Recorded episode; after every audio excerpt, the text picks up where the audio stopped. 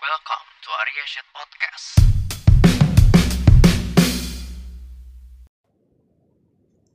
Oke, selamat datang di podcast Arya selanjutnya. Nah, pertama-tama nih, pertama-tama ya, gue mau apa ya? Terima kasih banget yang udah ngedengerin podcast gue. Walaupun gue jarang upload, ternyata yang eh podcast gue yang kemarin yang bahas di TikTok tuh sekarang udah menyentuh 100 play. Gila gue baru pertama kali nih di- dalam dalam dunia podcast ini gue men- mencapai 100 play. Tepuk tangan dulu lah buat gue. Tepuk tangan buat gue. Oke gue nggak tahu kalian tuh suka eh, episode itu karena apa karena gue bener-bener ngerekam episode itu tuh pas gue tuh malam-malam lagi eh, insom gitu gue nggak bisa tidur. Daripada gue gua kayaknya waktu itu nggak bisa tidur gara-gara kebanyakan kopi deh. Siangnya gue kebanyakan kopi gue tuh gitu kalau siang gue minum kopi malamnya gue nggak bisa tidur. Gue orangnya kayak gitu gampang banget terpicu oleh kopi gitu. Nah pas malam-malam itu gue kayak melek nggak bisa tidur mau tidur aja susah akhirnya ya udahlah. Gue punya keresahan juga itu tuh sebenarnya keresahan gue dari lama terus akhirnya gue utarakan jadilah satu episode di malam itu gitu. Dan di malam itu juga gue edit di malam itu juga eh, eh, besoknya baru gue bikin bikin eh, apa cover langsung gue publish. Itu sekarang menjadi eh, play terbanyak dibandingkan podcast podcast gue sebelumnya. Padahal podcast podcast dah padahal podcast podcast gue sebelumnya itu lebih niat daripada yang eh DJ TikTok itu. Cuma ya terima kasih buat kalian yang udah denger.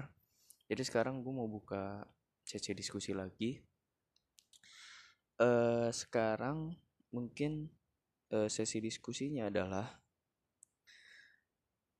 apakah karya eh bisa dibilang sebagai karya yang buruk? Atau atau lebih tepatnya mungkin eh, bagaimana sebuah karya bisa dinyatakan buruk gitu? Bisa dinyatakan sebagai karya yang buruk atau eh, karya yang jelek? Yang pertama apakah karya bisa dibilang sebagai karya yang buruk? Tentu saja iya setiap eh, apa se- setiap yang ada di dunia ini pasti ada baik dan buruk atau ada kebalikannya gitu. Kayak siang ada siang ada malam. Ada panas ada dingin. Ada ada yang bagus dan ada yang tidak bagus. Ada yang baik dan ada yang buruk. Jadi eh tergantung sebuah karya bisa dikatakan buruk itu eh, bisa. Tapi tergantung dengan eh, kita mengcompare-nya dengan siapa gitu. Kita nggak bisa mengcompare eh, kit- eh, kita bisa aja mengcompare suatu karya eh, buatan orang pemula tapi di compare dengan karya yang buatan orang yang udah master gitu. Kita bisa aja tapi kan itu tidak etis. Maksudnya itu eh, kita terlalu apa ya disebutnya naif atau egois gitu kan wah ini mah jelek bagusan punya ini. Itu dari dia baru mulai loh itu baru pemula langsung di apa disamain sama yang paling atas tuh enggak itu eh bisa dibilang kitanya yang naif atau egois. Jadi kalau kita bisa menilai karyanya dari seberapa eh seberapa mungkin mungkin seberapa bisanya dia gitu. Kayak misalkan dia baru mulai tapi misalkan kita bahas soal musik nih kan karena podcast ini soal musik misalkan dia baru buka apa ya buka DAW gitu dia baru mulai produksi musik. Dia baru cuma bisa bikin drum drum pattern yang biasa bikin melodi yang biasa. Kita bisa bilang karya itu bagus. Untuk untuk saat ini maksudnya untuk dia yang saat ini yang baru memulai ini. Untuk istilahnya membangun membangun uh, kepercayaan diri dia gitu. Kita bisa mengkritik dia oh kalau mau tambahin ini kalau mau tambahin ini. Itu adalah cara mengkritik yang bagus ya. Uh, bukan langsung bilang ah ini jelek nih nggak kayak yang ini gitu. Itu malah akan membuat dia down gitu. Jadi uh, karyanya sebenarnya uh, masih buruk karena dia masih belajar. Nggak ada yang bela baru megang DAW langsung bagus. Semua artis di dunia ini pun pasti pas pertama megang DAW itu pasti buruk dulu gitu pertamanya. Yang namanya juga masih belajar kan. Jadi kalau untuk pemula eh, bisa dikatakan karyanya ya bisa dimaklumi. Cuma karya yang bis uh, yang bisa kita katakan jelek itu jika jika nih ya jika karya itu sudah uh, apa ya dia sudah bagus dalam segi dalam segi apa pun dalam misalkan kita ada nih satu patokan karya yang bagus misalkan kalau dalam musik misalkan kita punya uh, musiknya si artis A nih. Artis A ini musiknya bagus banget. Kita jadi jadi kita bisa tahu patokan musik bagus tuh seperti ini gitu. Ini musik yang bagus. Nah ada artis B nih. Artis B dia mempunyai skill yang sama. Dia mempunyai skill seperti skill mastering yang sama skill mixing yang sama. Pokoknya skill mixing dan masteringnya itu bagus gitu. Kayak dia mempunyai skill yang sama. Tapi dia secara misalkan secara uh, musiknya mungkin uh, uh, apa mungkin buruk secara musik gitu secara musikalitas buruk atau secara lirik uh, dia buruk gitu. Uh, tidak tidak seperti si artis A ini. Mungkin si artis B ini bisa dikatakan buruk mungkin ya mungkin dia uh, bisa dibilang dia membuat sesuatu tuh ya adalah lirik yang terlalu cheesy gitu yang terlalu bodoh untuk dibuat. Kita tahu yang namanya membuat lirik itu uh, apa ya ada orang yang jago juga membuat lirik gitu ada orang yang tidak bisa membuat lirik. Jadi kita bisa tahu lirik yang bagus sama lirik yang tidak bagus itu yang seperti apa gitu. Jadi itu e, bisa dinilai jelek dari seperti apa kita menilai e, dari sisi apa kita menilai si lagu ini gitu dari e, si artis ini. Jadi ya suatu karya bisa dibilang buruk ya karena itu. Kalau misalkan dia sudah skillnya sudah sama dengan yang ada di puncak klasemen istilahnya.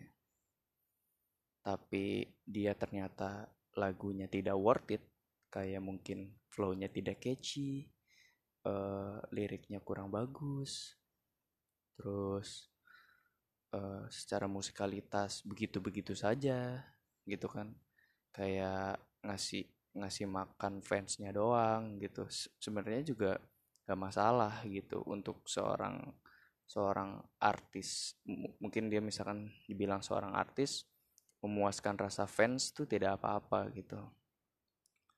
Cuma ya eh, yang yang dilihat oleh kritikus musik misalkan dia ya cuma apa ya bikin lagu yang hanya repetitif gitu doang kan kita lama-lama bosen gitu dia nggak improve dia uh, merasa kalau ah lagu yang seperti ini udah laku gitu. Ya udah gue bikin lagu yang kayak gini aja gitu.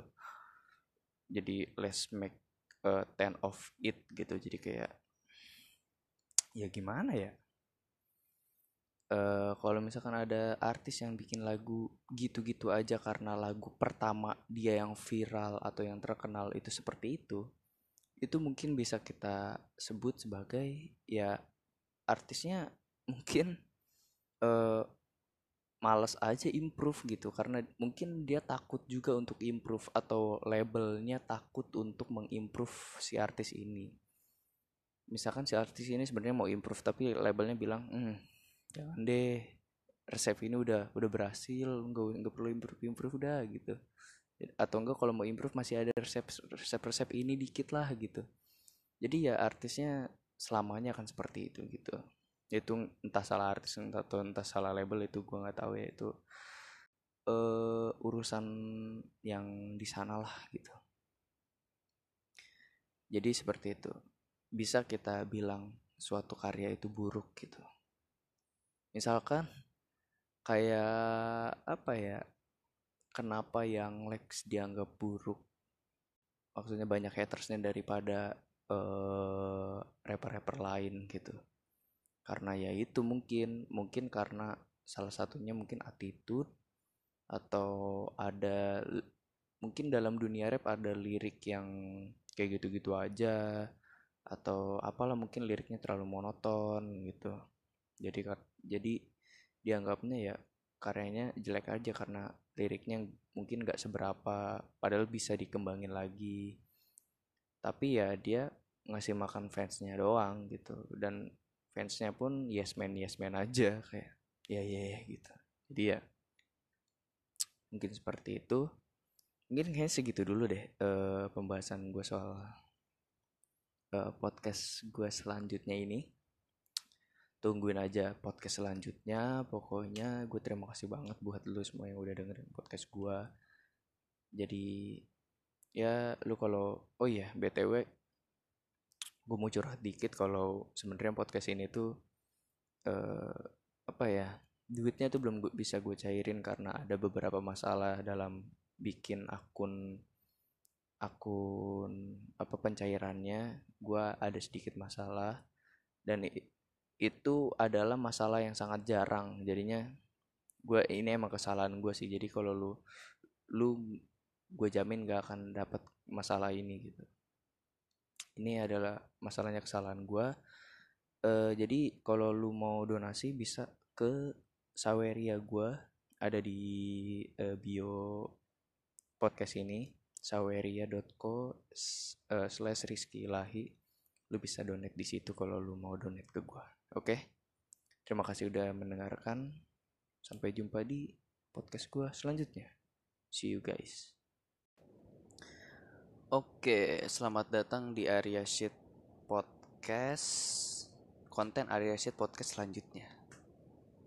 Uh, karena gue udah lama banget nggak bikin konten. Gila udah ada sebulan kemarin gue nggak nggak bahkan bulan kemarin gue nggak upload konten. Bulan kemarin. Jadi kita coba bulan ini bulan ini eh udah tanggal 9 lagi ya sekarang bulan ini gue mau ngupdate konten gue mau diskusi lagi diskusinya uh, gue sempet ngeliat pertanyaan ini tuh beberapa orang yang selalu menanyakan pertanyaan ini gitu yaitu apakah tidak ada musik yang original karena nada itu cuma tujuh? Oke gue bahas. Eh kenapa iya nada nada cuma tujuh kayak uh, C D E F G eh C D E F G apa sih? A B C D E F G kan tujuh tuh. Terus do re mi fa sol la si itu juga cuma tujuh. Jadi eh, apakah tidak ada musik yang original? Karena nada cuma tujuh. Sebenarnya gini kalau uh, jika lu mengacunya itu ke nadanya cuma tujuh musik ya berarti nggak ada yang original. Karena ya orang pasti memakai nada yang sudah ditemukan. Kayak misalkan J uh, A B C D F G gitu. Nggak nggak ada tiba-tiba orang nemu wih ini nada H nih gitu. Nggak orang nggak ada yang tiba-tiba nemu kayak gitu. Jadi uh, kalau lu mengacunya ke situ iya mus e, istilahnya nggak ada yang original nadanya. Karena nadanya ya cuma tujuh orang pasti ya begitu gitu aja. Cuma waktu itu gue ngeliat si orang ini tuh dia e, mengomentari sebuah postingan karena ada salah satu postingan yang menyamanyamakan nada bukan nada melodi jadi wah ini melodinya sama nih sama kayak lagu ini gitu. Terus dia bilang Iya bro karena nggak ada yang original. Karena eh, nada cuma tujuh. Menurut gua kalau misalkan eh, ada suatu kesamaan dalam musik, iya itu bisa bisa bisa dibilang itu bisa terjadi karena nada eh, nada cuma tujuh. Jadi kayak sempit banget ya. Dan apalagi kalau dia makinnya makin nada-nada dasar kayak G-nya G biasa G major gitu. G major 7 juga sekarang udah sering dipakai G major 7 kayak uh, sebenarnya kan banyak kayak uh, kunci eh kunci kan tuh. Jadi chord-chord itu banyak banget gitu. Walaupun cuma 7 tapi chordnya banyak banget. Kayak ada iya G crash terus G crash 7 G7 G major ya pokoknya banyak lah gitu. Jadi uh, mereka sama mungkin ya karena mereka menggunakan uh, chord yang istilahnya uh, chord biasa gitu ya biasa dimainkan oleh banyak musisi. Ya kalau mengacunya ke situ iya. Musik istilahnya gak ada yang original karena nadanya cuma tujuh. Tapi gue mau ngasih tahu lu satu hal. E, walaupun ada cuma tujuh tapi zaman sekarang tuh bisa bikin sesuatu yang original. Sa contohnya itu sound. Sound e, dalam bermusik sekarang kayak lu dalam memilih kick drum snare. Karena lu bisa membuat suatu yang original punya lu. Kayak misalkan lu nge, nge apa ngegedor pintu cedak terus lu jadi ini tuh kick gitu di lagu lu. Bisa gitu. Sekarang tuh bisa kayak gitu. Uh, jadi yang bisa lu istilahnya ada yang original tuh di sound. Soundnya bisa original. Gitu. Jadi kayak misalkan lu uh, apa mendengarkan beberapa artis gitu terus lu lu ambil segi-seginya misalkan nih lu ngedengerin lima artis misalkan lima musisi gitu. Terus lu ngambil dari musisi satu ini cara dia uh, bikin drum dan segala macem ya, yang satu yang apa musisi dua lu ikutin dia cara bikin melodi musisi tiga lu ikutin cara dia nyanyi. Itu akan menjadi sound lu sendiri walaupun lu terinspirasi dari orang gitu. Itu jadi istilahnya nanti bakal ada ciri khas baru di lu gitu karena lu mendengarkan banyak musik jadi kadang tuh ada orang yang uh, istilahnya dia ngedenger ngedenger uh, apa ya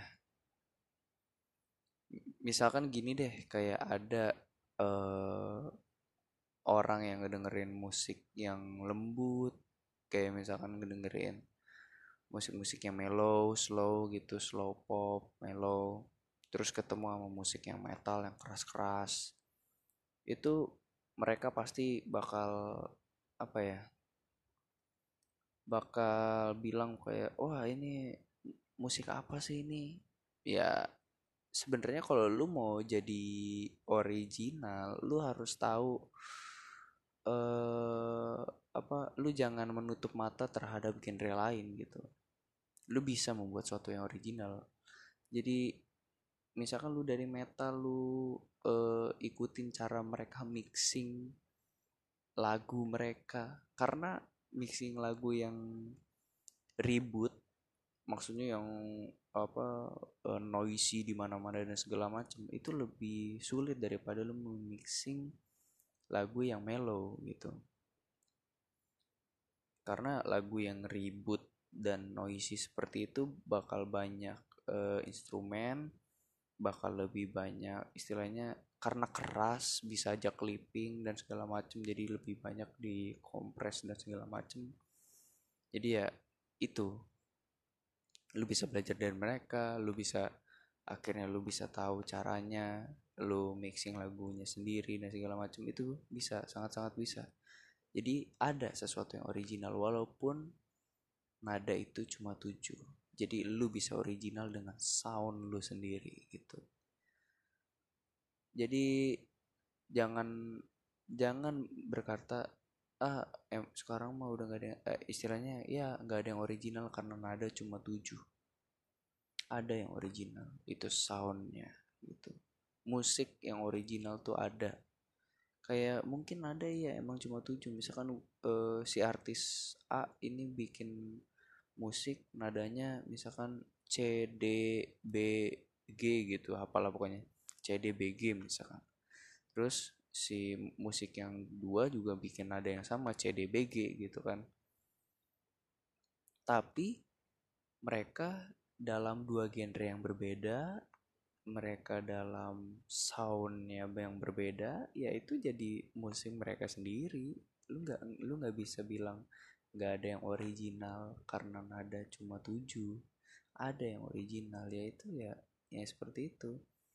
Original di sini pun mungkin kalau dibilang 100% dari dia kalau untuk effortnya iyalah pasti 100% dari dia. Cuma setiap artis datang dari inspirasi mereka pasti terinspirasi dari artis-artis lain. Tapi bisa aja sih orang kadang bikin musik eh, apa ngalur ngidul ngalur, uh, pokoknya kayak bikin musik bikin musik tiba-tiba jadi gitu. Tapi mereka uh, istilahnya nggak terinspirasi dari siapa-siapa. Tapi pasti lagu itu uh, mirip apa ya istilahnya dia pernah mendengar genre itu. Jadi dia makanya bisa bikin ge bikin musik seperti itu gitu jadi tetap ada tetap ada inspirasi walaupun lagi bikin bikin doang tanpa mikirin inspirasi dari musik siapa musik siapa tiba-tiba bikin jadi ya gue yakin si orang itu pasti pernah mendengar lagu dari eh, istilahnya apa ya lagu dia itu lagu yang dia bikin itu dia pernah denger gitu. Pasti pernah denger lagu yang seperti itu gitu.